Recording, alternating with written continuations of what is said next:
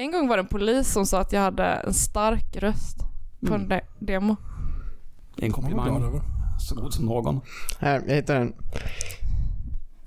Den är fan stark.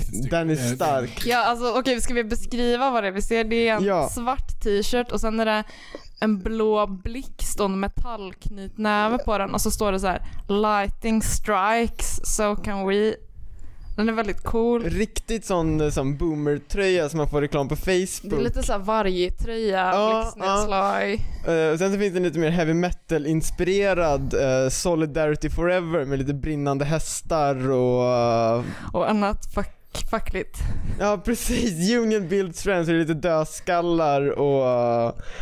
ja. Finns det inte den där “Never apologize for being in a union” också? Jo precis, men den var inte lika rolig. Den var jag bara tyckte att den var cool. Jag Ja men det var, det var en cool motto men den var inte så, den hade inte samma liksom flashiga design till sig.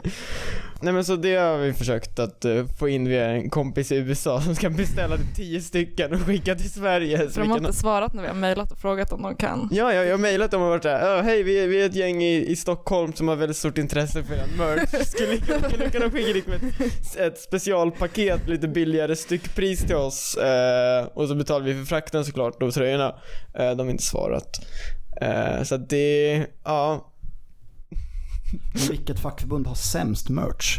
Eh, sämst merch, det måste väl ändå vara Unionen? Det, det var det första jag tänkte också. Det var Ja, bara, ja. Oh, unionen. Unionen har den sämsta brandingen någonsin av alla fack. Men hur ser deras merch ut? Nej, jag har inte sett det. Jag bara jo, jo. Man bara känner det på Alltså, det- sig.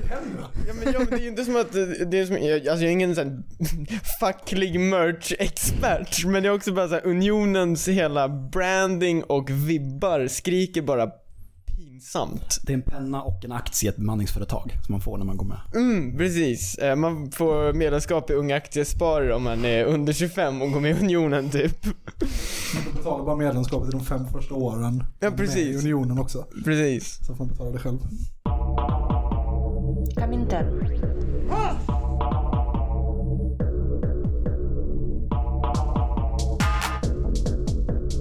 Berätta inte för mig om det svenska klassamhället. Comintern. Jag har sett det. Это Коминтерн. Jag har växt upp i det. Коминтерн. Jag hatar det.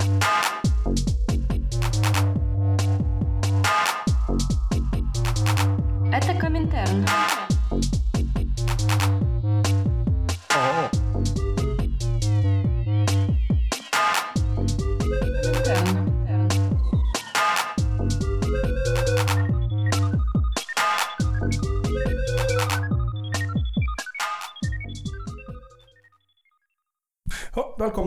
Tack, tack, så tack. mycket. Eh, vad heter ni och vad, vad gör ni här? Eh, Jag heter Julius. Och jag heter Anna. Yes, eh, vi är från eh, Gigwatch. eh, kan jag tillägga. Fett. Ja. Och eh, kamrat Andreas, var, var är vi någonstans? Eh, vi är hemma hos mig. Ja, I min salong. Härligt. Oh. och spelar in eh, podden eh, Kommentar. Just det. Ja, eh, vad vill ni bli frågade? Vilken fråga vill ni helst bli ställda? Eh, Vi vill ha ganska lätta frågor. Ja, smickrande och lätta frågor så vi kan gotta oss i. Mm. Men vi kan börja med smicker. Ja. Eh, jag har lyssnat på alla avsnitt Gigwatch-podden. Oj. Eh, den är jättetrevlig, tycker jag. Mm. Ni har ett sym- sympatiskt tilltal. Det låter som att ni tycker om varandra. Och det är en så lågmäld roast av olika gigekonomi-karaktärer också. Jag tycker inte den är så lågmäld. Jag tycker att, det, jag tycker att du säljer den lite kort här. Jag tycker att... eh, jag, jag, jag, Du jag, förstör smickret. Ja. jag bara, ah, ge oss smicker, får smicker. Nej, smickra bättre. Eh, men, eh, ja, nej men jag är, eller, jag är faktiskt super, supernöjd över att också nyligen varit med i Gigwatch-podden. eh, för att det, men det, det är bara så kul, det är trevligt. Och vi Just tycker om det. varandra. Du gjorde ju din debut där, där du pratade om USAs femte dödligaste yrke. Precis. Kommer ni, du som har lyssnat på podden, kommer du ihåg vilket det är? Eh, färska upp mitt minne. Fe- femte dödligaste yrket i USA är då pizzaleverantör, pizzabud. Eh, vilket är, det är femte dödligaste. Trettonde eller tolfte dödligaste är polis. Eh, så att det är bara lite perspektivsättare. Eh, Så det är mycket farligare att vara pizzabud än att vara polis. det är mycket farligare, det är kanske tre gånger farligare. Vad är dödsorsaken? Eh, trafikolyckor eller mord. Men då täcker väl gigekonomiföretagen alla utgifter som kommer med ett dödsfall, de är välförsäkrade och så. Eh, nej men det är om man är egenanställd så får man ju försäkra sig själv. Det är ju väl den enda logiska slutsatsen för Foodora och Uber Eats etc. Att, eh, ja. Just det. Men kan, inte, kan vi inte börja från början? Kan inte ni berätta om Gigwatch-projektet för oss? Ja, eh, vi startade väl det i, vad blir det, förra våren. Eh, efter att ha pratat om att det här med gigekonomi, det är ingen riktigt som vet vad det är. Eh, men det känns fett viktigt. Eh, det känns som att det kommer komma och bita oss i röven typ, om, inte vi, om inte vi biter dem i röven först. Så vi bestämde oss för att vi skulle göra det. Bland annat genom att börja ha en studiecirkel där vi bara pratar typ om så här, vad är gigekonomi? Eh, så här, hur påverkar den oss? Och hur kan vi förhålla oss till den? Och vad kom vi fram till, Julius? Ja, alltså vi, vi kom ju fram till att eh, det är kortfattat eh, fakt och att eh, det är så himla bara utbrett och att det, är, det går hand i hand med så här, bemanningsföretag och liksom den bredare den prekariseringen, eller vad man säger, att jobb är inte, funkar inte på samma sätt som de vanligtvis gör. Och jag har märkt att när man pratar med äldre människor, eh, man pratar med de pensionärer och så och liksom man berättar dem, ja men så här ser det ut för mig, extra personal eller liksom så och så. De blir ju liksom arga. Alltså det är ju det är ju sån otroligt stor skillnad från vad jobb är idag och vad jobb är då. Och att gigekonomin är ju liksom extrem, liksom meth-hypade versionen av det. Att så här, du är inte bara en osäker anställning, du har ingen anställning, du bara driver runt. Just det. För man ser ju gigjobbare överallt hela tiden i, det offentliga rummet. Mm. Eh, utan att kanske tänka på vad som definierar det.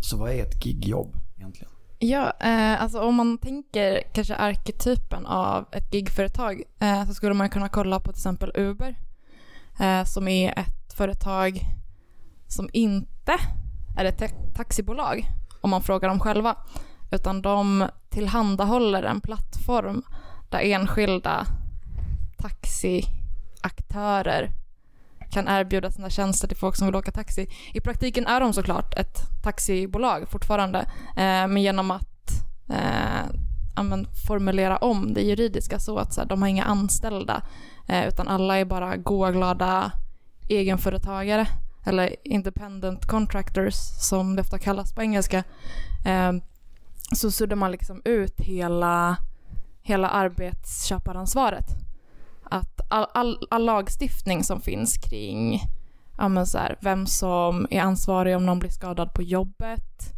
ansvarig för arbetsmiljö, ansvarig för att ja, men så här, betala in pension eh, eller bara så här, ha en part som man kan förhandla med kring faktiskt hur arbetsvillkoren ser ut.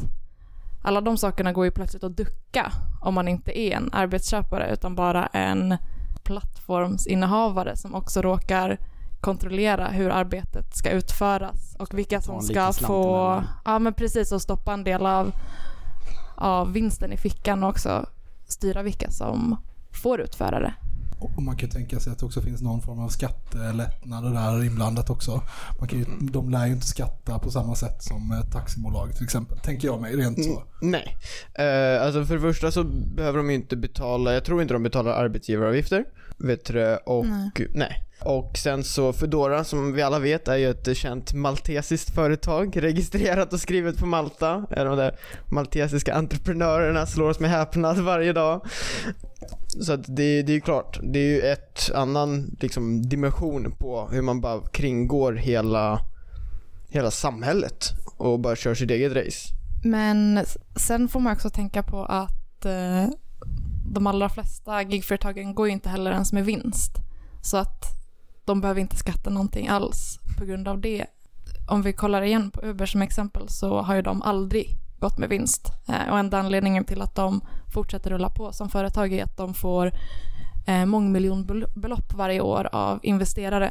Så det är liksom, det här är ju inte företag som bär sig själva eh, på något sätt och det är liksom inte lönsamma företagsmodeller. Eh, utan vi ser det som en slags experimentverkstad för näringslivet att de, de blåser in massa pengar i olika projekt för att se så här, vad kan man komma undan med? Vilka, vilka nya mod- företagsmodeller kan man utforma eh, för att slippa allt det här jobbiga med facket och med så här lagar och skatter och allt sånt som man inte gillar om man vill kunna tjäna pengar. Men finns det inte en- ytterligare någon, eh, något lager på det som är så här... Eh, jag tänker på, jag tror det är Spotify också som aldrig har gått med, med vinst. Under Mm. några, alltså det har alltid gått back under alla år det har funnits och ändå är det så här gigantiskt. Jag menar alla Mm. har ju liksom den lilla ikonen i mobilen. Eh, Men att det också finns någonting i eh, någon slags sån marxistisk eh, grej att det är liksom eh, det är dött värde, bla bla bla, inga nya pengar, finansialisering av marknaden, jadi jadi. Jag eh, vet inte tillräckligt mycket om det för att kunna säga någonting om det. Men jag tänker mig att det finns en sån koppling någonstans om man gräver lite i det.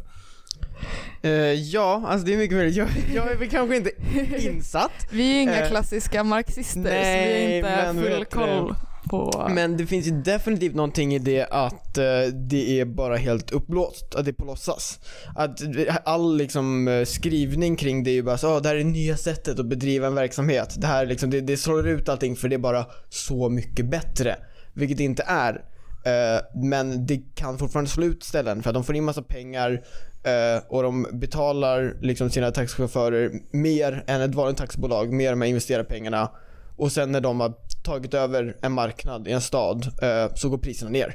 Mm. Eh, Och det har vi ju sett många exempel på att ett gigföretag börjar etablera sig eh, med kanske ganska decent eh, lönenivåer liksom och sen allt eftersom så pressar man ner priserna eh, för att kunna ha så billiga tjänster som möjligt. Eh, och plötsligt står det en massa folk där som, som har det här som försörjning eh, som inte alls har någon möjlighet att försörja sig. Ja, men jag tycker att det är intressant för att om man kollar på hur hur det pratades om gig-ekonomin för några år sedan i media eh, så har ju tonen förändrats väldigt mycket. Eh, att sen när vi började titta på det här fenomenet så fanns det väldigt många artiklar som, som ville pitcha det här som någonting så här nytt och ja, men så här urbant och väldigt modernt. Det var, det var liksom en livsstil som man skulle sälja in till unga människor Eh, ofta från företagshåll eller liksom från näringslivshåll. Just det, under den här seglivade myten om att ungdomar vill ha, inte bryr sig så mycket om lön och trygghet utan de vill ha flexibla och hippa Mm. yrken. Precis, de vill ha flexibilitet som innebär att de sitter på standby tills dess att någon vill anställa dem för stunden. Eh, det är den sortens flexibilitet vi älskar. Men man kan ju se att idag när man pratar om gigekonomi så har ju det mycket mer negativ klang. Det är många gigföretag som inte ens vill benämna sig själva som gigekonomiföretag längre. Eh, vi har fått veta till exempel att Foodora inte kallar sig för gigföretag internt. Jag vet inte om de, de, de kanske inte gör det utåt heller, men just för Foodora-buden att det, det är väldigt noga med att det här är inte ett gigekonomiföretag. Och man kunde ju också se vid lanseringen av Workish att de var inte heller ett gigekonomiföretag. De tillhandahöll mikrojobb. Vad nu ja. det innebär. Och sen så har vi delningsekonomin också. Den är också väldigt typisk. Att man, man, ska, man ska faktiskt dela med sig av ett jobb. Flera personer ska ha samma jobb. Eh, man ska dela med sig på något sätt. Jag vet inte hur de försvarar den liksom Mm. eh, brandingen. Men, Man, man blandar ju gärna in flera olika saker. Att det är samma sak att, ja här, att man delar på en gräsklippare i ett grannskap. Som att en Foodora-arbetare delar med sig av sin lön till, till Foodora. Eh, Men kärnan i allt det här är ju att hur, hur man än säljer in de här nya, inom situationstecken nya jobben Eh, i gigapparna så det är ingenting nytt. Det, det enda nya är egentligen att graden av exploatering eh, ökar. Och det kan vara på olika sätt. Eh, vi ser till exempel att de försöker ta marknadsandelar på marknader som kanske förut inte egentligen varit dominerade av stora företag. Till exempel att så här, klippa sin grannes gräsmatta har ju inte varit big business. Eh, men man hoppas kunna ta sig in på nya marknader för att, för att exploatera dem också liksom som företag. Vilket väl också är någon så här marxistisk grej att eh, man hela tiden försöker överta nya marknader. Antingen genom imperialism eller eh, genom att ja, men, försöka ex expandera sin verksamhet på andra sätt. Eh, men det kan också handla om att försöka omstöpa redan existerande yrken till någonting pissigare. Typ vi har hantverkare och vi har städare, vilket ju inte heller idag är jättegöttiga arbeten alltid med jättegoda villkor. Så det är inte som att så här, default-läget är att så här, alla bara chillar loss typ på sina asgöttiga anställningar. Eh, men så tar man det och bara åh, tänk om du fortfarande hade ett pissjobb med att städa trappuppgångar. Men nu blir du också recenserad efter varje städning och du är inte säker på om du kommer få städa imorgon. Mm. Ja, så är det. Jag, jag, tror att vi, jag tror att vi berört det tidigare i, ehm, i den här podden när vi talat lite om alltså att jag, eller att, att det kan, man kan också se, tala lite om det som en del i ett större liksom, nyliberalt samhällsskapande projekt. Att varje människa ska inte bara vara eh, Alltså varje människa ska bli ett företag och i allt man gör så ska man relatera till världen i egenskap av det företaget. Så att eh, varje gång du hälsar på din granne så gör du det som ett företag som möter ett annat. Mm. Och då blir det helt naturligt också att varje gång du hjälper din granne att måla staketet, då är det ju en transaktion eh, som utförs. Och enligt kapitalistisk logik är det ett sånt enormt slöseri. Det är ett Att, jävla slöseri. att en sån mellan, ett sånt mellanmänskligt möte inte skulle generera värde för någon. Precis, därför att vad du gör är att du befäster ju en vänskap, du ger bort en liten vänlighet när du hälsar. Det är klart att den har ett värde, det måste ju sättas pengar på. Mm. Och då helt plötsligt så får man friendish, eller vad? Där man ska recensera och, och poängsätta. Ja, fan vet jag, liksom. Mm. det känns som att det är en, den naturliga utvecklingen. Ja, nej men alltså jag, jag tänker mycket på liksom den så kallade prekariseringen. Att arbeten blir osäkra eh, och så. Alltså, jag kan inte exakt, men jag tror att efter 2008 i USA så var typ det 90 någonting procent av, 92 kanske, procent av alla nya jobb var prekära jobb. Vikariat, eh, ex, extraanställd, behovsanställd och så vidare. Och att det var, just 2008 var en sån stor flipp historiskt för det här. För det var också runt den tiden efteråt som företag som kanske hade fått det väldigt dåligt eller som hade gått under i kraschen eh, så kom det nya kon- företag i någon annan bransch men som sa att men vi ska inte göra deras misstag att anställa folk, vilka, vilka losers de var som anställde folk. Vi ska, vi ska köra som Uber, vi ska inte ens anställa någon, vi ska bara driva taxiföretag. För det som sänkte många företag 2008 var att behöva betala avgångsvederlag till alla människor man behövde sparka för att kunna bedriva en business. Så att det var liksom det som var stora tanken till Uber. Att liksom, ja, men då behöver vi inte betala avgångsvederlag. Då kan vi klippa ner oss och kanske ha typ så här 10 taxigubbar och sen sparka några pers på ett IT-kontor någonstans och vi kan fortfarande gå runt. Att det var liksom, och det är ju en del av den stora prekariseringen, alltså en aspekt av det. Att man alltid ska stå i standby. Eh, man är alltid tillgänglig för jobb, men man är aldrig garanterad jobb. Eh, utan det är liksom, företagen behöver aldrig känna att de har någon arbetskraft som liksom inte gör nytta och som inte genererar värde precis den sekunden. Eh, utan då, då är det bara folk som sitter och väntar på att kunna få jobba. Men jag tänkte också, jag tycker att det är intressant också att du nämnde prekarisering. För vi har ju pratat lite om ja, men så här, olika begrepp man kan använda när man pratar om ja, men typ så här, osäkra anställningar. Och så här, varför vi, alltså så här, vi heter ju Gigwatch, vi pratar om gigekonomin. Så här, varför pratar vi om gigekonomin och har det som fokus istället för typ prekariatet eller så här, osäkra jobb? Ja, alltså det, det vet du alltså det har ju med varandra att göra. Mm. Eh, men jag tycker gigekonomin är jag tycker den är nästan roligare att jobba med. Nu har inte jag jobbat så mycket med osäkra anställningar, men den är roligare att jobba med bara för att det är en sån ny uppstartad grej och det finns så många små aktörer som Workish eller som eh, liksom Jepster eller whatever. Att man kan ju få sina små liksom symboliska segrar eh, och man kan visa att men, det är inte bara en en bredare stor våg utan att liksom, men här har vi någonting som verkligen symboliserar vad det är som händer med arbetsmarknaden. Och kolla på oss i Gigwatch som fuckar upp de här jättehårt med en nedröstningskampanj. Eh, och det är superpepp både för oss och sen tror jag väldigt peppande för andra. Att skulle vi sitta och bara prata om osäkra anställningar och ha typ studiecirklar och föreläsningar och whatever, då tror jag inte att det hade varit samma hype varken för oss Mm. eller för liksom åskådare. Mm, alltså gigekonomin kan man ju säga, det är ju en specifik typ av prekära jobb eh, eller osäkra anställningar.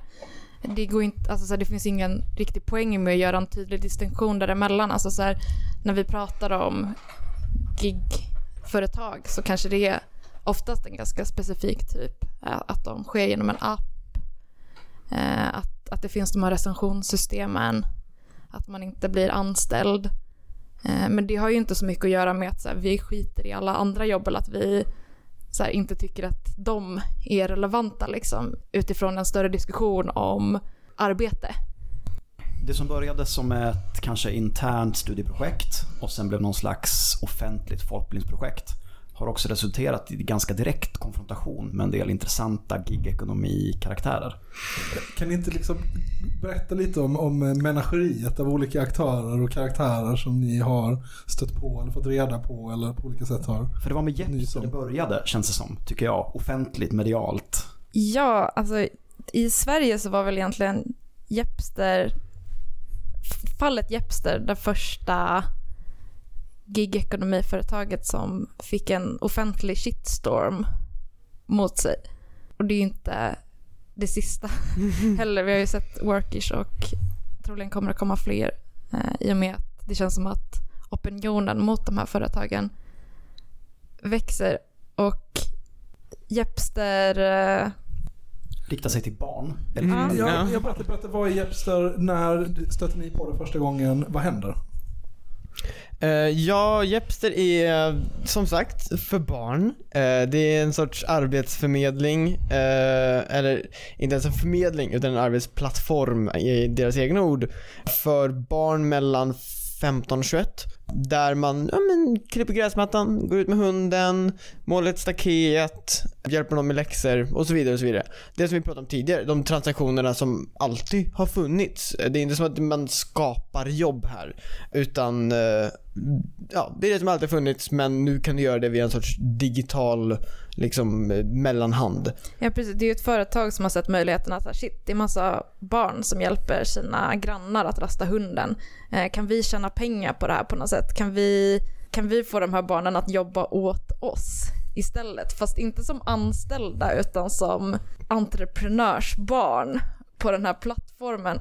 Och så sätter de liksom upp egna regler typ för hur man kan höja sin minimilön och det kan man göra genom att samla poäng och så levla inom appen. Bland annat genom att arbeta gratis med att marknadsföra dem. Och man utför också de här uppdragen och blir recenserad efteråt. Eh, och vi alla har ju varit med om att man träffar en främmande vuxen via nätet, går till dens hem, utför en tjänst som den här vuxna personen vill ha hjälp med eh, och sen får ett dåligt betyg om inte den här främmande människan är nöjd med vad man har gjort och det känns bra och tryggt och någonting vi borde ha mer av borde vi ha mycket mer av. i samhället. Mm.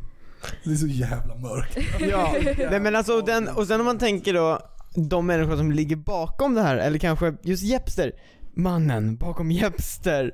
Säg Eh, hans namn. Ja, ja, Jesper, Jakob, ja, jag sa fel! Inte Jesper, Jakob Rudbeck.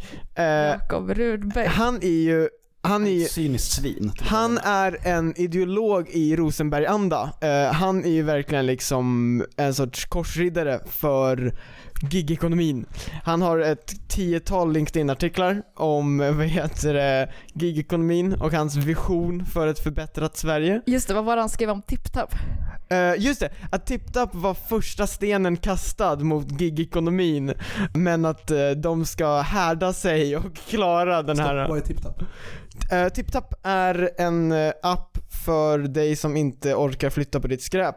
Så då kommer någon att hämta det åt dig för ett pris som du sätter själv. Yes, det är också en gig-app liksom, som man kan paya någon piss lite för att typ bära tunga saker och frakta iväg dem. Eh, och den här appen fick lite problem den finns bara i Stockholm idag. Den råkade så här, bryta mot miljöbalken typ för att man får inte överlåta sitt hushållsavfall till en tredje part. vilket eh, TipTap tyvärr inte tänkte på innan de startade appen så Ja, Stockholm, så Sverige återigen som en Ja. blöt filt. byråkratin som stryper ihjäl entreprenörerna om natten. Eh, så det blev lite artiklar om det i media och det oroade Jakob Rudbeck som såg det här som första stenen. Ja, det var liksom lite i stil med så här. först kom de för kommunisterna och jag talade inte för jag var inte kommunist. För, Först kom de för TipTap, jag talade inte för jag var ingen det var tipptappare. ingen sopa. Sen Ja. kom de för Jepster, men jag var ingen Jeppe. Så jag talade inte. Eh, nej men så att, eh, Och sen fanns det inga app-vd kvar som Nej. kunde stå upp för mig. Men så kom Linda Pira. ja precis, herregud. Linda Pira är ju också en liten gigfilur. Men Eh. vänta, kan vi bara innan vi går över till, till eh, Linda Pira. Ja. Hur, har det gått, hur går det för Jepster? Hur har det gått för Jepster? Det går inte så bra tror jag som de vill få det. Alltså vi, vi gjorde ju en liten tillbakablick till Jepster för att de har ju ändrat sig lite sen, sen den här kampanjen hölls. Ehm, ja vad ska man säga, alltså när, när det stormade som mest om dem i media så, så fick de ändå, de fick väldigt starkt medialt stöd. Det var många stora tidningar som gav dem väldigt mycket utrymme till att typ bara, åh, det är massa folk som hatar oss. Vi förstår inte varför. Vi vill bara ge ungdomar jobb. De här onda kommunisterna. De hatar allt bra. Och att man fick vända det typ till att så här, åh, 2000 personer har laddat ner Jepster för att ge dem en stjärna i betyg. Det här är bra för appen för att så här, de får mycket uppmärksamhet. Eh, som att de inte redan hade uppmärksamhet. Alltså anledningen, en av anledningarna till att kampanjen startades var för att Jepster hade börjat marknadsföra sig själva i Stockholms tunnelbana. Så de gick liksom ut offentligt och försökte liksom etablera sig. Men vi kan ju kolla på betyget i Google Store idag. Ligger på 2,8 tror jag, stjärnor. Någonstans där, någonstans där. Inte jättebra för en app. De har däremot börjat lera sig med företag. Deras pitch från början var ju just det här att åh, vi tar, vi tar svarta jobb och gör dem vita. Vi tar de här skattefuskande, hundrastande 15-åringarna som bara inte har, inte deklarerar som de ska. Och sen gör vi det till, till ett fint, bra de- deklarerat jobb. Nu gör de det bara om dina, alltså personen som du rastar hunden åt har Jepster Premium. Just det. Annars uppmanar de sina användare, alltså barn, att lägga undan en tredjedel i ett år. Ja, precis. Annars kan man spara pengar och typ ringa Skatteverket om man undrar någonting. Eh, men det som också är intressant är att de inte bara fokuserar på det här med hundrastning. För det, jag tror att det visade sig att det var inte så många som kände att de behövde lägga upp som så barnpassning typ och hundrastning i en app. För det är ett fett asocialt medium. Alltså så här, det är svårt att få kontakt med människor. Det är svårt att veta vem det är man pratar med från båda hållen I guess. Och det, det kom väldigt mycket klagomål från ungdomar framförallt om att man inte fick några jobb. För att citera Jakob Rudbeck. Barn kommer till appen varje dag och säger varför finns det inga jobb? Och så säger han det med jättelöjlig röst för det är tydligen så barnen låter när de klagar över att de är arbetslösa och inte kan ha någon inkomst. Eh, och det har Jepster löst genom att börja lera sig med företag. Så nu kan du jobba på ett lager, du kan jobba på ett event, du kan jobba på ett café. Inte åt Jepster, för de agerar inte som bemanningsföretag. Utan du är fortfarande egenanställd genom frilansfinans. Men Jepster tjänar fortfarande pengar på det här. Så det är liksom något slags anställning med flera mellanhänder som alla tar en del av din lön. Där din slutlön hamnar på typ 120 spänn medan företagen väl betalar runt 200 tror jag enligt Jepsters hemsida. Just det, och där har vi det här eh, det döda, eh, det döda kapitalet, eller så här, där vi behöver arbete. Det måste alltid vara någon som arbetar för att tillföra värde till ekonomin.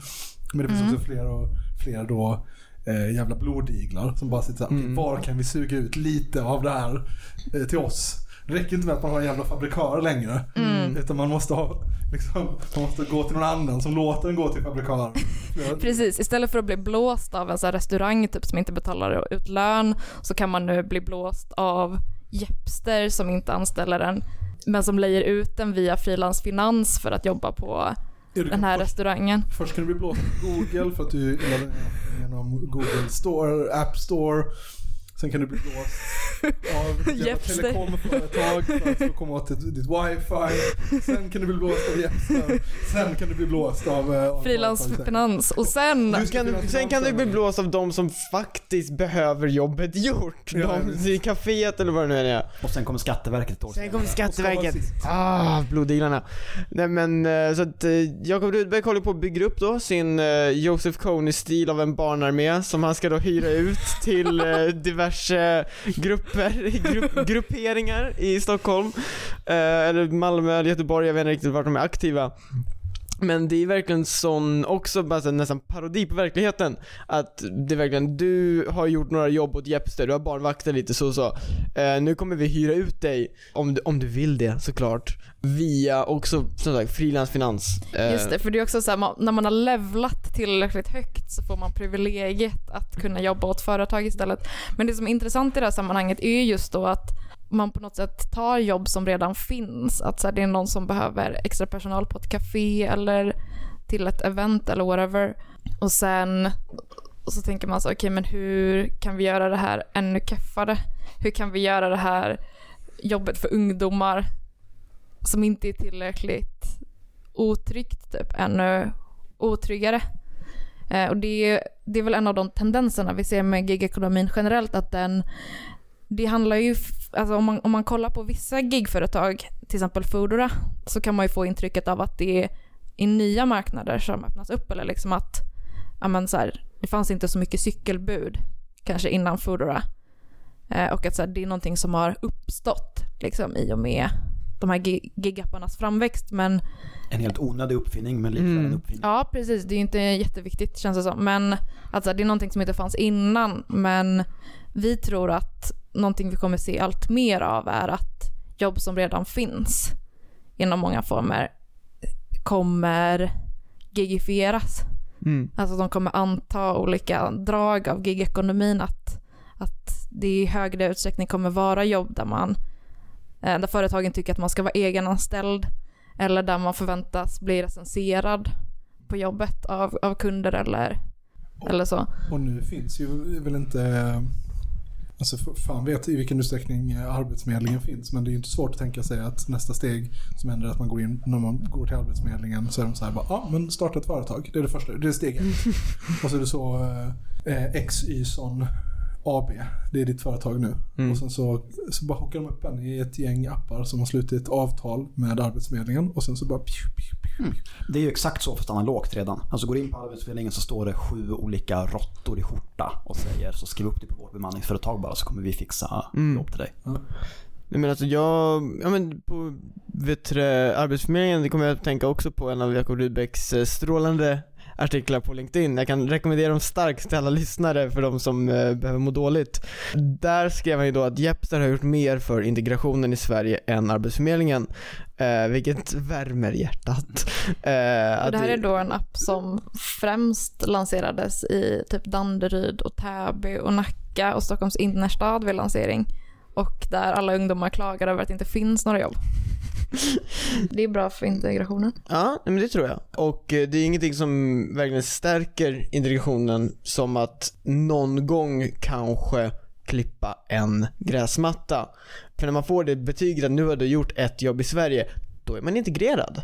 Så att eh, Jakob Rudbeck har verkligen fört fram banan här och Arbetsförmedlingen, de, de får bättra sig känner jag.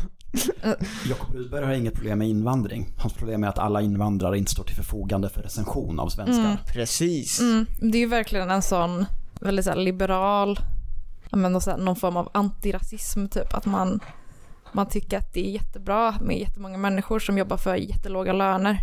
För det skulle de må bättre av. Väldigt så här, falsk omtanke typ. Mm. Jag menar, så här, invandring är bra för då stärker vi vårt lands ekonomi och kolla på alla de här studierna som visar hur Hur mycket Hur- pengar vi kan tjäna. Precis, kolla, kolla hur mycket pengar vi kan tjäna när plötsligt vi har jättemycket lågbetalda jobb. Det är väldigt falskt, det är väldigt uppenbart att det bara är liksom, vi kanske inte bryr oss jättemycket om att liksom hjälpa folk för hjälpandets skull direkt. Men de verkar ju tycka som sig själva. Eller de har ju inte riktigt fattat det att man kan hjälpa någon utan att få någonting tillbaka. Men, eh, ja. Nej, de funderar, jag vill lägga ner hela sitt liv på att hitta på en app för det. Ja, Integrer... Runt och snälla mot varandra. Ja, integrerer. Eh. Kan vi vandra vidare till Workish? Vad är workers för något? Workish är, vad kan man säga, Linda Piras lilla hobbyprojekt eh, som hon... Hon är väl med i, i styrelsen Ja, nej men till, till den Men hon var ganska mycket ansiktet ut. hon var Ah. ansiktet utåt, det var hon. Eh, och hon har ju i alla fall i den första vevan av eh, reklam och så vidare för Workish så var det ju väldigt liksom att det här är någonting som jag och typ några random människor vi inte ska prata om. Det här är någonting som vi, vi har gjort och det ska verkligen hjälpa folk och det ska vara superstort. Workish är ju också en gig-ekonomi-app som har väldigt likt upplägg, till exempel TipTap eh, eller Taskrunner. Att de bara, här är väl en liten skitgrej typ som du behöver ha gjort. Istället för att så här, be om hjälp typ, av någon du känner eller i så här, i en Facebookgrupp eller något sånt så kan du paya någon jättelite för att göra det här. Och det är bra. För att det är bra att folk kan jobba typ. Och det lanserades i slutet av december var det väl, på sociala medier. Bland annat då genom Linda Pira i och med att hon sitter med i styrelsen liksom, till det företaget så gick hon ut och annonsade att okay, men vi kommer starta en ny gig-ekonomi-app. Eh, eller en app för mikrojobb då, som det heter nu. Och ja, men det var många av hennes kompisar liksom, inom, samma, inom, inom, inom musikbranschen eh, gick också ut och ja, men spred ordet om den här appen. Eh, bland annat Stor och Danny M och Cherry Eh, och flera andra stora artistnamn. Eh, och det som hände väldigt, väldigt snart var att eh, de möttes av en shitstorm. Det var väldigt, väldigt många som blev väldigt, väldigt arga över den här appen och det var väldigt många som började gå in och rösta ner appen. Så den fick, den sjönk från 5,0 stjärnor till 1,0 stjärnor. Jag vet inte om det finns någon app i Google Store som har haft 1,0 i betyg liksom som inte är att det bara är en recension liksom som har satt det utan att det är flera hundra recensioner som pressar ner det så lågt. Men betyget sjönk liksom som en sten samtidigt som men flera stora tidningar började rapportera om den här floppen. Nej men jag kommer, ihåg, jag kommer ihåg väldigt starkt den kvällen då det här exploderade, för det var verkligen över en kväll som det stört dök och hela Twitterflödet var bara folk som eh, drev med workers-lanseringar. Vilket var liksom 50% bara memes och 50% folk som hittat ytterligare ett fel eller någon typ av IT-flopp på deras Mm. hemsida. Att det bara smulade sönder. Och det kändes lite som så här 80-tals typ så här uh, businessfilm, man måste plötsligt avbryta mötet och springa ut för att ta ett samtal fast istället för ett samtal så är det att skämta om workers för det var en sån, sån otroligt viktig grej kände jag. Klantigt lanseringsdatum eftersom eh, jul och nyårshelgen är den tid på året då vi klassiska marxister och internetmobbare har som mest tid till Ja, det, elaka saker på internet. Precis. det var väldigt många personer som satt och väntade på, på någonting att göra på nätet tänker jag och då dök Workish upp och var väldigt tacksamt eh, att, att kritisera för att det, det har ju precis samma brister som i princip alla andra gig-ekonomi-appar har men de marknadsförde det väl på ett lite mindre smidigt sätt kanske än de flesta andra. De hade liksom inga dyra PR-byråer liksom som har lindat in orden utan de skrev typ om du blir blåst så är inte det vårt problem. Ehm, Ganska snart påpekades det att deras internetsäkerhet var under all kritik också. ja. Alltså, jag tror inte, nu är inte jag en internet eller teknikmänniska, men jag kan inte föreställa mig något företag eller någon typ av grej som har så dålig webbsäkerhet.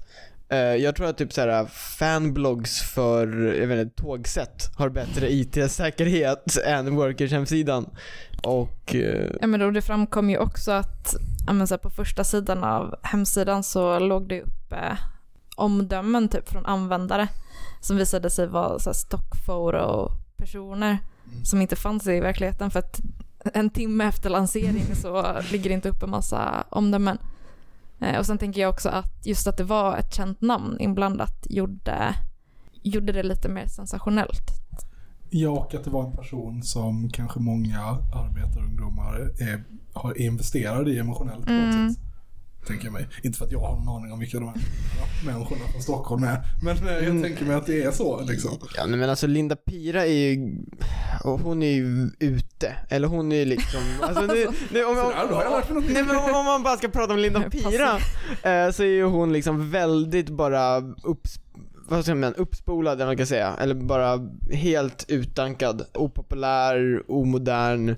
Eh, hon, hon har liksom, hennes enda cred i princip nostalgi-cred av att det är så här, det man lyssnade på när man var 14-13 år kanske och var såhär, oh den här var lite svängig. Vilket gjorde, för mig i alla fall, det så mycket roligare att det här namnet för, kommer upp från ingenstans och bara hej, jag har skapat en helt usel gig-app där vi i princip säger på hemsidan hur usel den är. Så att ja, nej, Linda Pira är, eh, jag tror jag nämnde det till min pappa också eh, och han var såhär, jag trodde att hon, jag trodde hon hade slutat med musik och jag bara säger ja, det, verk, det verkar hon, Hon ha har, gjort. hon har startat en annan business det komma istället. att Julius, att din pappa har bättre koll på kultur, populärkultur än vad jag har? För jag var ändå så, Men ah, Linda Julius, ska du bragga om din pappa nu? Det är en, det är en ny och lite fräsig rapartist. Vad- synd att det visade sig att hon var ärkereaktionär. Men så, så är det ju, så visade det sig att hon fyller samma eh, kulturella plats som liksom jag trodde att Feven det är fortfarande- Okej, så där. Jag, I stand corrected. Ja, nej, nej men eh, Linda Pira är, eh, det här kändes verkligen som en sorts dödssuck. Och det var kanske den mest underhållande dödssuckarna på länge eh, från, från Sveriges kulturliv. Memes. Ja men de flesta brukar göra någon dålig självbiografi eller någon julalbum eller något sånt, men Linda Pira körde verkligen en homerun och verkligen, Startade ett dåligt företag. Verkligen. jag tänker att det blir också intressant eller just så här, vart man adresserar den här kritiken mot gigekonomin beroende på vem avsändaren är. Det märkte man ju ganska tydligt också i skillnad typ i mottagande när man kritiserade så här, Jakob Rudbeck och hans företag eh, för att exploatera ungdomar. Det var som att folk bara, äh, vem är det här typ? För det första, så det var, så här, det var inte intressant och det var också som att han inte satt på en, en hög häst typ att ta ner. Att det är, det är lättare att ja, så här, calla out någon som är ja, som ska vara politiskt medveten typ och kanske har ja, så här, skrivit låtar liksom med ett politiskt innehåll. Att då peka på att bara, okay, men varför, varför gör du en app där, där du liksom aktivt underminerar arbetsrätten liksom för, för ungdomar. Men det blir också en intressant diskussion i att så här, är det är det mer rätt? Typ? Är det mindre dåligt om det är en så här, rasifierad kvinna från förorten som startar en app där ja, men så här, ungdomar jobbar till pisslöner? Och i många fall, eh, som vi har sett med, med många av de här gigapparna, så kan det ju vara att det är människor som, eh, som inte kan få ett jobb där man behöver kunna svenska. Eh, till exempel. Så det, de här gigjobben är liksom några av de få jobben eh, de kan få. Eller de kanske är... Eh, de kan liksom av, av olika skäl ha, ha svårt liksom att, eh, att få jobb liksom i Sverige. Eh, och att de här apparna utnyttjar det till att bjuda eh, liksom så dåliga villkor som ingen annan utom de allra mest desperata eh, skulle signa upp på. Så att man, man utnyttjar det här med människor som, som, som är i en utsatt situation eh, för att kunna tjäna fett mycket pengar och för att kunna bli någon slags pilspets in i eh, sämre villkor. Att man börjar med dem som, som inte kommer protestera och sen får resten hänga med. Just det, och det är väldigt tydligt med Foodora, men det är ju också väldigt tydligt när det kommer till uh, Voy Hunters, eller hur? Mm. Alltså vem det är som är ute nattetid i skåpbil och plockar upp elsparkcyklar för att ladda. Mm. Nej men alltså det, jag kommer ihåg, det var någon reportage i någon lokaltidning i Stockholm om Voi, eh, som var väl lite såhär, ja, ah, det här är den nya grejen, vad tycker folk, vad är dåligt, vad är bra? Och en del av det tror jag var att de pratade med någon som var en Voi Hunter. Eh, och då pratade de då med någon, eh, alltså medelålders kanske, 40-årig, eh, småbarnspappa som var, vad heter det, jag tror att han var om sjukskriv, nej inte sjukskriven, kan vara pappaledig kanske.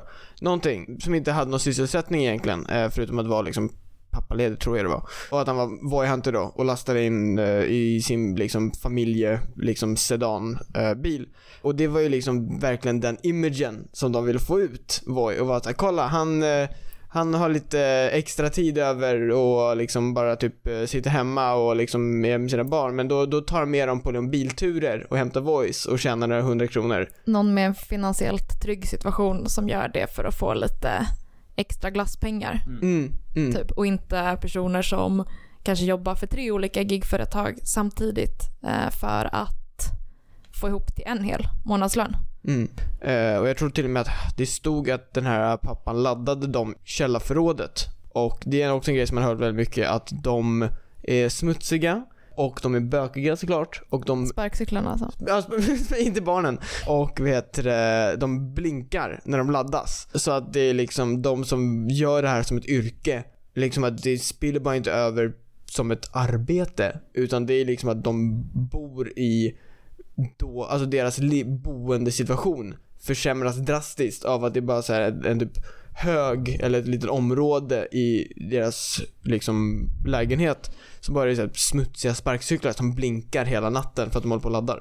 Jag tror, var det Elina Panke i Sydsvenskan som gjorde, som wallraffade, som jobbade en, ett dygn som Voihunter. Som var ute en hel natt och fyllde sin bil, tog hem dem, laddade dem. Och räknade ut efteråt att när hon räknade bort elkostnaden så hade hon gjort 37 spänn det dygnet eller någonting.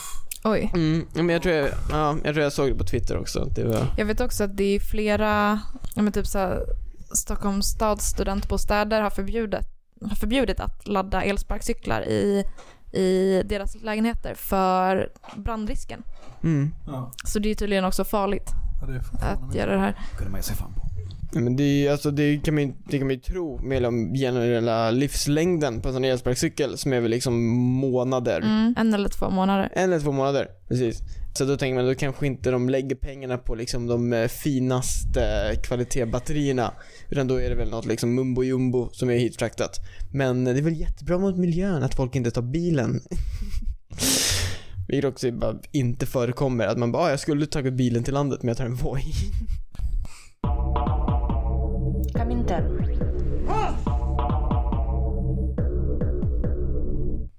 Eh, Ska vi dra Tinder? Eller är ni less på det? Har ni följt med i Tinder? Vi kan... eh, Vi kan ja. Ha- Har du Tinderspår? Har du en Tindergrej du vill dra? Nej, men det har ju funnits ett Tinderspår i, i media. Det finns ju en kulturdebatt om Tinder. Incels. Just det.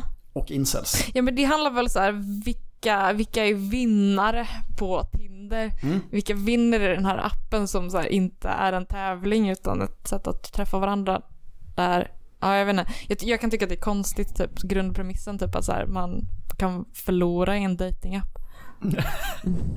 alltså vad... Mm, jag vet inte. Ehm, Men är det inte också intressant så att det på något sätt blottlägger det sanna natur? Att det är så folk behandlar det? Som en köttmarknad. Ja, precis. Ja, men jag tänker absolut att det är en köttmarknad, men jag tänker att de flesta internetsammanhang, att, att det blir ganska så specifika grejer som ger status. Men det är som så här, vilka är vinnarna och förlorarna på Twitter? Typ så här, de som eh, kan häckla flest eh, poddare typ på en vecka. Är det här socialt kapital? Eh, håller manligheten på att undergrävas på grund av hur många följare vissa har? Jag vet inte, jag, jag tycker att det är jag tror inte att folk dör ensamma typ för att de inte får ligga på Tinder. Nej, utan folk har dött ensamma alltid. Men Tinder har så eh, blottlagt det på ett, eh, på ett tydligt, väldigt cyniskt sätt. Eller hur? Det blir väldigt lätt mätbart. Vem får jättemånga matchningar och vem får inte det? Mm.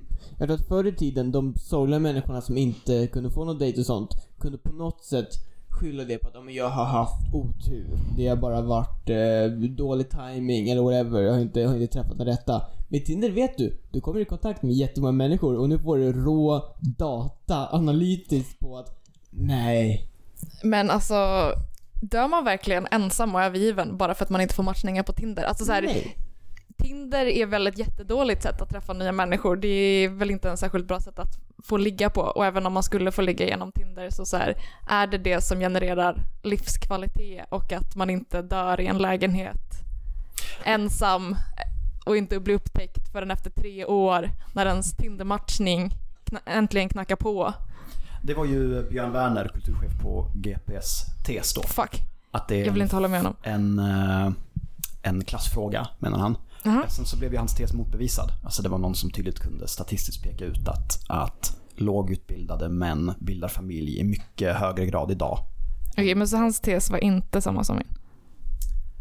Eh, Att det är Tinders fel att män dör ensamma. Ja, Nej, det var inte riktigt hans tes. Nej. Eh, men, eh, Okej, men så om jag får recappa den här kulturdebatten lite grann. Ja. Så skriver Björn Werner en text som sammanfattar eh, det gångna decenniet. Där Björn Werner skriver att Tindermännen blev de stora förlorarna. wow. Han skriver om IS-krigare och incel-nazister och konstaterar att det är synd om ensamma män. Björn Werner får jättemycket mothugg naturligtvis av andra kulturskribenter. Katarina Wenstam svarade, Eh, fast var i Expressen, GP, Aftonbladet och så vidare. Eh, Björn Werner, och, och kritiken mot Björn Werners text är så här, ja okej fast sex är ingen rättighet och det är inte eh, kvinnors fel att män är ensamma. Björn Werner svarar med att det inte alls vad jag menar utan jag menar att det här är en klassfråga. Det är ett problem att det finns ensamhet i samhället. Där står vi idag. Mm. Alltså jag, jag kan väl ändå känna att eh, Alltså Tinder gör ju då någonting som alltid har funnits, vilket är att det finns folk som har svårt att träffa annat folk. Eh, tar det och sen liksom överförtydligar det för alla inblandade. Eh, och, och vad heter det, helt enkelt gör att man känner sig så mycket mera liksom avvisad via Tinder. Eh, tror jag, när det är sånt stort antal som man swipar. Eh, men jag tror inte att det finns någon bara konkret lösning. Bara så att, ah, då ska vi ha liksom, vadå, en så här, statssponsrad fru till alla, till alla sorgliga män.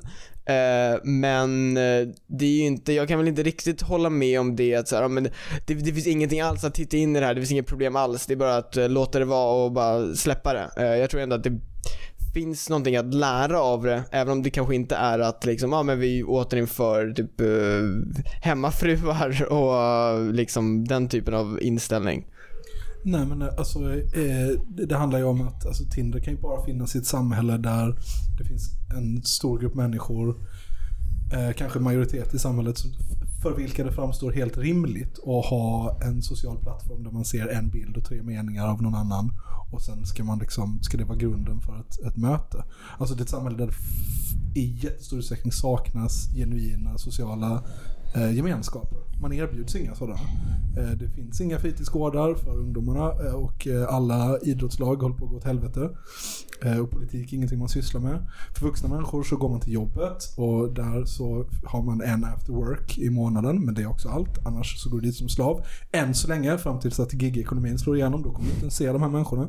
Din familj är sönderslagen, alltså för att kärnfamiljen Oj oj oj, oj oj oj. Död och kärnfamiljen, gött att den är borta. Men det är ytterligare en gemenskap som är borta liksom. Som inte är ersatt med någon annan. Alltså, så här, man, det finns ju dåliga gemenskaper och bra gemenskaper. Men, men nu finns det inga gemenskaper om du förstår vad jag menar. Men är verkligen kärnfamiljen borta? Jag vill nästan ta lite Nej. paus där. Okej, vi- jag uttryckte mig svepande. Det är klart att men det här är liksom tendenserna. Alltså det, det, det, om, om, om rudbeckarna, vär- världens rudbäckar får bestämma Mm. så har ju inte folk familjer längre. Därför att då vill man någonstans tillbringa tid med sina barn och, Mm. och sin partner. I alla fall Man- inte en så oflexibel familjeform. Nej, precis. Utan, men då ska man ju helst ha många olika partners som man studsar runt genom att träffa kanske via en sån här Mm. app. Så att man alltid kan jobba. Man ska ta en öl tillsammans, träffas, eh, kanske ångra lite. Men sen så, oops, nu måste jag iväg och hämta någon sopor. Och sen så, ja men vi möts igen. Där, du vet så här. Allting ska vara helt i flux konstant. Eh, och, då, och det är bara i ett sånt samhälle som en sån app blir eh, användbar för folk. Men det jag inte riktigt fattar är att man går ifrån att man pratar om så här, och det här är ett samhälle som inte producerar några meningsfulla gemenskaper. Och sen bara, kolla på alla ensamma män. Varför, är, varför skjuter män ihjäl folk? Alltså jag, jag ser liksom inte riktigt steget från att så här, okej men det... Jag, för jag kan verkligen skriva under på bara absolut, det, det finns alldeles för få ja, men så här, meningsfulla sammanhang liksom, där man kan träffa andra människor eh, och umgås eh, under några former. Liksom. Men varför är det bara killar som lider? Eller så här, jag, jag ser liksom inte kopplingen däremellan till den bes- problembeskrivning man har sen att det blir så här. Och sen har vi alla de här incels som är övergivna män eh, och I guess IS-krigare. Eh, för de drivs båda av ett begär efter kärlek som de bara kan stilla genom att begå krigsbrott typ. Nej, men jag håller med dig och Björn Werners text är ju värdelös också. Men handlar inte jättemycket om så entitlement, bara att eh, killar i patriarkatet anser att de har rätt till sex. Och så får de inte det och så blir de rasande. Fast jag tror inte ens att det handlar så mycket om att de inte har, eller okej, Ki- nej killar har inte rätt till sex, men jag tror, jag tror inte att problemet egentligen är att män i lägre utsträckning så här, har tillgång till kvinnor än de kanske hade för inte så länge sedan. Utan jag tror att det kanske mer är jag tror att en, man får se det som en ideologisk konflikt, att det finns en konflikt mellan å ena sidan feministiska strömningar i samhället, alla typ “dumpar din kille, att så här, det, det finns tydliga tendenser där att man pratar om kvinnlig frigörelse och man pratar om att kvinnor inte behöver män, att man inte ska nöja sig med en pissig kille som aldrig uppskattar eh, så här, ens ansträngningar i relationen och att man ja, men så att man inte ska vara rädd för att typ så här, bli lämnad ensam som så här, man som kvinna blir itutad liksom hela livet. Att så här, okay, men om inte du har en man liksom så, så, så här, har du ett bristfälligt liv. Eh, jag tror att alltså, så hela incel, vad ska man säga, den strömningen är mycket en, en motströmning, kanske en så antites mot mot det här feministiska, att man har å ena sidan, eller så man, man bygger upp, alltså lite som nazisterna bygger upp en bild av att så den vita rasen är hotad typ. Och så bygger eh, så här, incels upp en bild av att så här, vi, vi är fett ensamma och så här, det finns jättemånga ensamma män och det är för att eh, de blir övergivna typ. Eh, och lever ensamma i samhället. Och jag tror att det, jag tror inte att man ska haka upp sig för mycket för, på att så här, det här är en verklighetsbeskrivning. Utan att det mer är någonting, alltså så här, men, men jag tror att Mm. de, alltså, eh, jag håller helt med. Jag tror, att, det är, eh, jag tror att du har 100% rätt. Men jag tänker mig att den eh, ideologiska motsättningen, alltså de två st- strömningarna, tankeströmningarna, mm, eh, de uppstår utifrån den, den materiella förutsättningen att en massa gemenskaper inte existerar. Så att, så att eh, hotet om ensamhet eller att bli, vara socialt isolerad upplevs som väldigt, väldigt akut för många människor. På samma sätt som det, om man, om man, om man använder samma om jag använder samma liknelse som du gör till exempel. Alltså, eh, nazisterna blir bara rimliga i ett samhälle som bygger på ras, eh, rasistiska strukturer. Liksom. Om du inte har rasism i ett samhälle eh, så, så kan, man inte vara, kan man inte driva nazistisk ideologi. Typ. mm. Eh, lite så. Ja, jag förstår hur du tänker tror jag, men jag tänker att, eller jag, jag motsätter mig nog lite just att likställa att den här feministiska strömningen och den här incelströmningen, typ att de skulle ha samma drivkrafter, för jag tror absolut att alltså incelströmningen handlar om att så här, ja, men så här, det finns väl en, ja, men så här, att man, man vill inte man vill inte vara ensam typ. Men eh, att, att frigöra sig från sviniga pojkvänner handlar ju inte om det. Givet, det har du nog rätt Mm. det, det håller jag med om. Sant. Det, Så det är ju liksom inte två sidor av ensamhet. Nej, okej. Nej, det har du rätt i. Eh, det håller jag med om. Eh, men men om, jag, om jag omformulerar det så här då. Mm. Eh, jag håller med om det faktum att det, att det eller jag tycker att det är sant att det är två stycken ideologi, eller, ja, men ideologiska stämningar får man väl säga det. Alltså en, eh, en eh, 2010-20-talets sexism krockar med en 2010-20-tal, eller vad, heter det? 00-10-talets eh, Hashtag dumpa din kille. Ja, precis. Exakt. Ehm, och att båda de två strömningarna naturligtvis eh, tar avstamp i en materiell verklighet. Eh, men att det, finns olika, att det finns olika aspekter av den verkligheten eller olika materiella omständigheter som driver dem i olika utsträckning. Ehm, och sen så om man eh, vilken, vilken den primära drivkraften för de båda olika eh, så här är. Om det, om det ens primärt är det här rädslan för ensamhet. Men jag tror inte det. Av samhället, är, är sexismens jag, jag, vet inte, jag tror att man kan dra mycket ifrån atomiseringen och sönderslaget av, eller sönderslagandet av det sociala.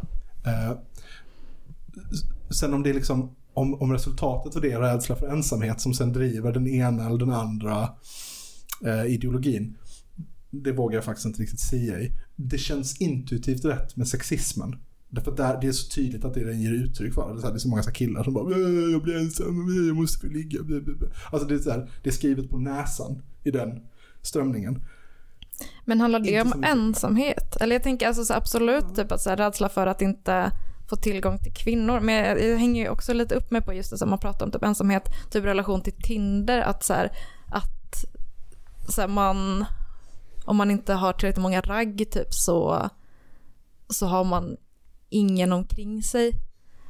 Men det är, det är väl också väldigt typiskt manligt typ att, så här, att inte ha meningsfulla vänskapsrelationer. Så det kanske också är där skon klämmer. Men jag vill verkligen motsätta mig liksom att, så här, att, att det skulle handla om åh, killar kanske eventuellt inte får, får en flickvän typ. Därför kommer de dö ensamma. Nej men är det inte, kan man inte tala om det så här? Att, de, att ensamhet är så drastiskt sätt att tala om det, men tala om det på brist av insocialisering. Alltså att man kan ha massa relationer men det är inte relationer som är eh, alltså män då, som, där de lär sig typ empati eller eh, några form av emotionella färdigheter liksom. Och sen så, sen, alltså på ett sätt är ju det ensamhet, att man blir inlåst i sin egen sjuka psykos liksom. Eller det- sådana här, jag vet inte, massskjutare blir väl det liksom och IS-krigare antar jag i viss utsträckning. Eh, och nassar som åker till Ukraina typ. Men, eh, eh, men kanske inte just, alltså, kanske inte ensamhet i den bemärkelsen att man sitter ensam på sitt rum i alla lägen. Men ensamhet i den bemärkelsen att man inte, har, inte är förmögen att skapa Eh, rimliga givande relationer. Därför att man, man blir inte insocialiserad in, i det. Liksom. Just det. Men nu visade sig ju den tesen inte stämma. Alltså om man med ensamhet menar lyckas inte ha en parrelation. För att det är fler då män i klassamhällets botten som har det idag än på 70-talet för 50 år sedan till exempel. Så dels undrar jag om man verkligen kan dra slutsatsen då att misogyni är så klassbundet. Alltså är det någonting som finns bara i arbetarklassens lägre skikt? Och sen tänker jag på en tes som Liv Strömquist drev i eh, Stormens utveckling för inte så länge sedan. Men att det snarare handlar om uppvärderingen av sexuella erövringar. Alltså att det historiskt inte har varit något konstigt att man inte har haft jättemånga olika sexualpartners. Men att idag är det så uppvärderat. Idag är det den absoluta statusmarkören. Och så är det jättemånga då, till exempel killar, som inte har det och så känner de sig misslyckade. Mm.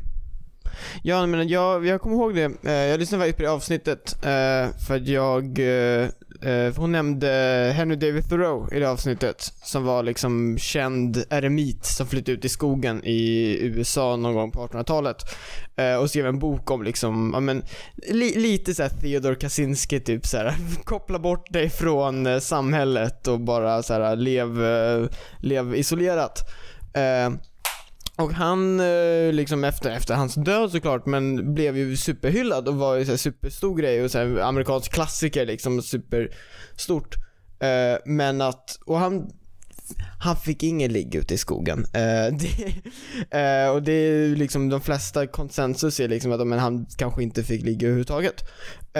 Och det var något som Liv Strömquist nämnde, att, men det är ju inte det var ingenting konstigt. Uh, att det var ju bara så, ah, men han bodde ute i skogen och han uh, höll på, han, han gjorde pennor, han var lärare. eh, men liksom, ja men han fick ingen ligg, det var inget konstigt. Det var inte feminismens fel. Precis.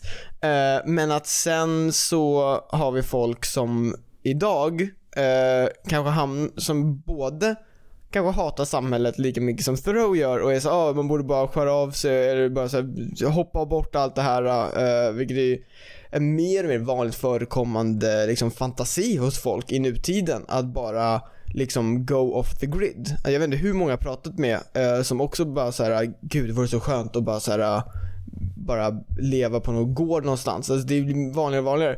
Eh, men att den här isoleringen, trots, oavsett hur mycket man än hatar samhället, så vill man fortfarande då ha ligg. För att det är den här statussymbolen, eh, det är den här markören. Eh, så att även om man kan ha exakt samma situation som throw, tänker jag bara som ett exempel. Eh, men att bara för att man inte får ligg så är det plötsligt en helt annan grej. Eh, bara för den här uppvärderingen av, av sex. Ja, men jag, jag kan nog hålla med mer om den beskrivningen. Liksom att det inte handlar så mycket om ensamhet utan kanske snarare att ja, men så det blir väldigt viktigt med, med att vara väldigt sexuellt aktiv typ, och, så här, och eh, kunna ligga med många människor. Typ, och att eh, om man då bara oj, det gick inte så bra för mig på Tinder.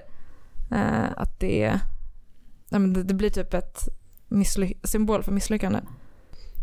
Sen finns det ju också en eh, vinnare på uh, datingappmarknaden. Nämligen datingappägarna. Damn. Tinder är alltså en del i Match.com Group. Mm. Stort eh, big business, miljardomsättning varje år. Är det samma företag? För jag, jag trodde att uh, Match.com var liksom hotad av Tinder, att det var liksom ny... Huh. Nej, alla det de vill de säkert du ska tro. Ja men precis! det är den mindre, det är den mindre flexibla, eh, långsammare varianten. Så ska du kunna eh, liksom identitetsmarkera dig själv genom att vara så här, ah, nej men jag vill ha en genuin dejtingsida. Jag Mm. faktiskt har en riktig presentation. Jag, jag sitter och mail, mailväxlar i flera veckor innan jag träffar någon. Så att Innan jag genuin. blåst på pengar. Och, Innan mina reklam... Eh, min reklamdata skördas av något ryskt företag. Men, men Tinder är ju effektivt som politiskt vapen också. Och då tänker jag inte bara på Zacharias Hortén och eh, eh, Frida. Frida. vad var det som hände med honom? Eh, Zacharias Hortén blev groomad på internet, på Tinder. Vem av- är Zacharias Hortén? Är det, var det bra eller dåligt att han blev Det är groomad? jättebra. Det är. Du känner inte till Zacharias? Jo, men jag tänkte för publiken. Ja, för, vår mycket lilla lyssnarskara är värd. Han är nazist. Ja. Han är väl en... ja, skitsamma. Vi vill inte begrava oss i Zacharias Hortén. Nej, Ja, Jag ska bara nu. för du har också använt eh, Tinder som politiskt vapen. Ja, ja. Ja, när SAP, Socialdemokratiska arbetarepartiet, hade sin kongress i Göteborg för ett par år sedan. Så satt du ivrigt ett par hundra meter från Svenska Mässan, tindrade upp socialdemokrater från mindre städer runt om i Sverige och dök aldrig upp när det var dags för dejt. Oj, oj, oj, oj, oj. Man, man gör vad man kan för klasskampen. Många Det- bäckar små. Du gjorde en jobbjakt fast för Tinder. ja, precis. Jag gigifierade klasskampen. Långt över en timme och 20 minuter. Mm. Spännande. Tack för att ni kom. Ja, men Tack, tack. för att vi fick komma. Ja, det var jättetrevligt. Vill ni säga någonting mer? Finns det någonting, vill ni plugga någon grej? Eh, Har ni någonting på gång? Något som man ska dyka upp på? Något som man ska titta på? Vad kan man göra i kampen mot gigekonomin? Ja, eh, vi kommer hålla en till studiecirkel på temat gigekonomi i Stockholm i slutet av mars. Så om man är i närheten av Stockholmsområdet så kan man supergärna intresseanmäla sig till den så kommer man få mer info så fort vi har bestämt exakt tid och plats. Om man inte bor i Stockholm så kan man mejla oss ehm, så kan vi skicka ut eh, studiecirkelmaterialet ändå så kan man arrangera en egen studiecirkel. Eh, och man kan även kontakta oss eh, med all info gällande gigekonomin som man har om man själv har jobbat för en gig-app eller känner någon som, har, som gör det eh, eller om man vill hjälpa till att sätta upp affischer eh, och andra saker med information. Ja, Man kan rösta ner alla de jävla lapparna. Ja, det kan ja, man göra. Det är en väldigt liten grej man kan göra. Det går snabbt. Man kan skriva en fyndig kommentar. Man kan roa sig med det. Men det är väldigt roligt, det är väldigt roligt. Och vi har en lista på alla appar som man kan rösta ner eh, på vår hemsida om man vill ha lite inspiration. Vad är, er hemsida? Gigwatch.se. Gud vad praktiskt. Mm. Fett. Och så lite tiggeri. Eh, det här är podcasten Kominterns tredje säsong. Vi kommer att göra tio avsnitt. Det kommer innehålla elaka hån, eh, vänsternavelskådande och internationellt erkända gäster. Eh, vi har gått igenom lyssningssnittet från den tidigare säsongen. Det är högre än vad jag trodde, men det är fortfarande så lågt att det sårar min stolthet lite. Eh, Därför så vill vi jättegärna att man delar, tipsar en kompis. Eh, Man kan rösta upp, har jag förstått, i till exempel iTunes. Trycka in jättemånga stjärnor. Då vill jag alltså förtydliga. Man röstar ner gigekonomi. Man röstar upp kommentaren. Ja. Inte tvärtom. Inte tvärtom. Vi kommer göra den här säsongen. Vill ni att det blir mer än så, eh, hjälp oss på traven. Be a criminal. Keep your talking minimal. Cause most of it's subliminal, and it'll put you in a critical. Used to be invisible, they would refer to me as mythical. Sipping on mystic, yeah, I sip it slow. Not on my level, not on your tippy toes. Walking the back and I yell, give me those. Hot as a stove, yeah, I'm wearing Fendi clothes. I want my spot, yeah, look at Wendy nose. My niggas eating, they getting minerals. If you know shots, you know in a row. Up on your block, now you looking pitiful. Tinted the windows, I need a minute, yo. All of your misses all mad and miserable. You picked the wrong time to pick a fight. You bitch your dyke, she think she ike. You sipping on a drink of spike. Enough for you to say goodnight for the rest of your life. I know your sons won't miss you. I did a favor for them niggas. Took a loss to a winner. Rick Ross, you banana. You ain't fly, I make your wings stop. I'm real as fuck and your ring's not. Fresh as hell like a king socks. Your real car is a slingshot. Don't need a gun, I use a slingshot. If I was a beverage, you would have to drink hot. Got a job I gotta do. Yo. I get down and dirty too. Yo. What it is, what it do. Yo. Same shit, nothing new. Yo. Got a job, gotta do. Yo. I get down and dirty too. Yo. What it is, what it do. Yo. Same shit, nothing new. Yo. Got a job I gotta do. Yo. I get down and dirty too. Yo. What it is, what it do. Yo. Same shit, nothing new. Yo. Got a job I gotta do. Yo. I get down and dirty too. Yo. What it is, what it do. Yo. Same shit, nothing new. Go. Having flashbacks, where your past that? Where the cash at? Ayo, past that. I will stab back, just for bags racks. Front on me and I'll punch your ass flat. Are you okay? Please don't ask that. I don't act black, got a fat cat. You a rat rat, rat a tat tat tat a tat tat tattoos, but you can't see 'em. Ice cold, yeah, I'm going skiing. I get around at the Coliseum, used to roam around with no pot to pee, and I was pissed off. Get away with murder like Christoph. You get crisscrossed in the big loft. I'm a big boss, so much sauce I drip broth. The wait is over, I'm taking over. You're overweight, you ate a soda. I'm super sober, you doing coke. Coca Cola ahead of you. Like a closure. When Troy died, I had to find some closure. Don't push me, bitch. I am not a stroller. Pop up on a nigga like bread and toast. A double D cup, you should use a coaster. More than poster, need a dollar coaster. So I shop it over. Blue faces. And I call them growers, but if he can't rover, I'm that older. Wanna be like me when I get older. Talk to God, then he came over. Talk to God, then he came over. Got a job I gotta do. Yo. I get down and dirty too. Yo. What it is, what it do. Yo. Same shit, nothing new. Yo. Got a job gotta do. Yo. I get down and dirty too. Yo. What it is, what it do. Yo. Same shit, nothing new. Yo. Got a job I gotta do. Yo. I get down and dirty too. Yo. What it is, what it do. Yo. Same shit, nothing new. Yo. Got a job I gotta do. Yo. I get down and dirty too. Yo. What it is, what it do. Yo. Same shit,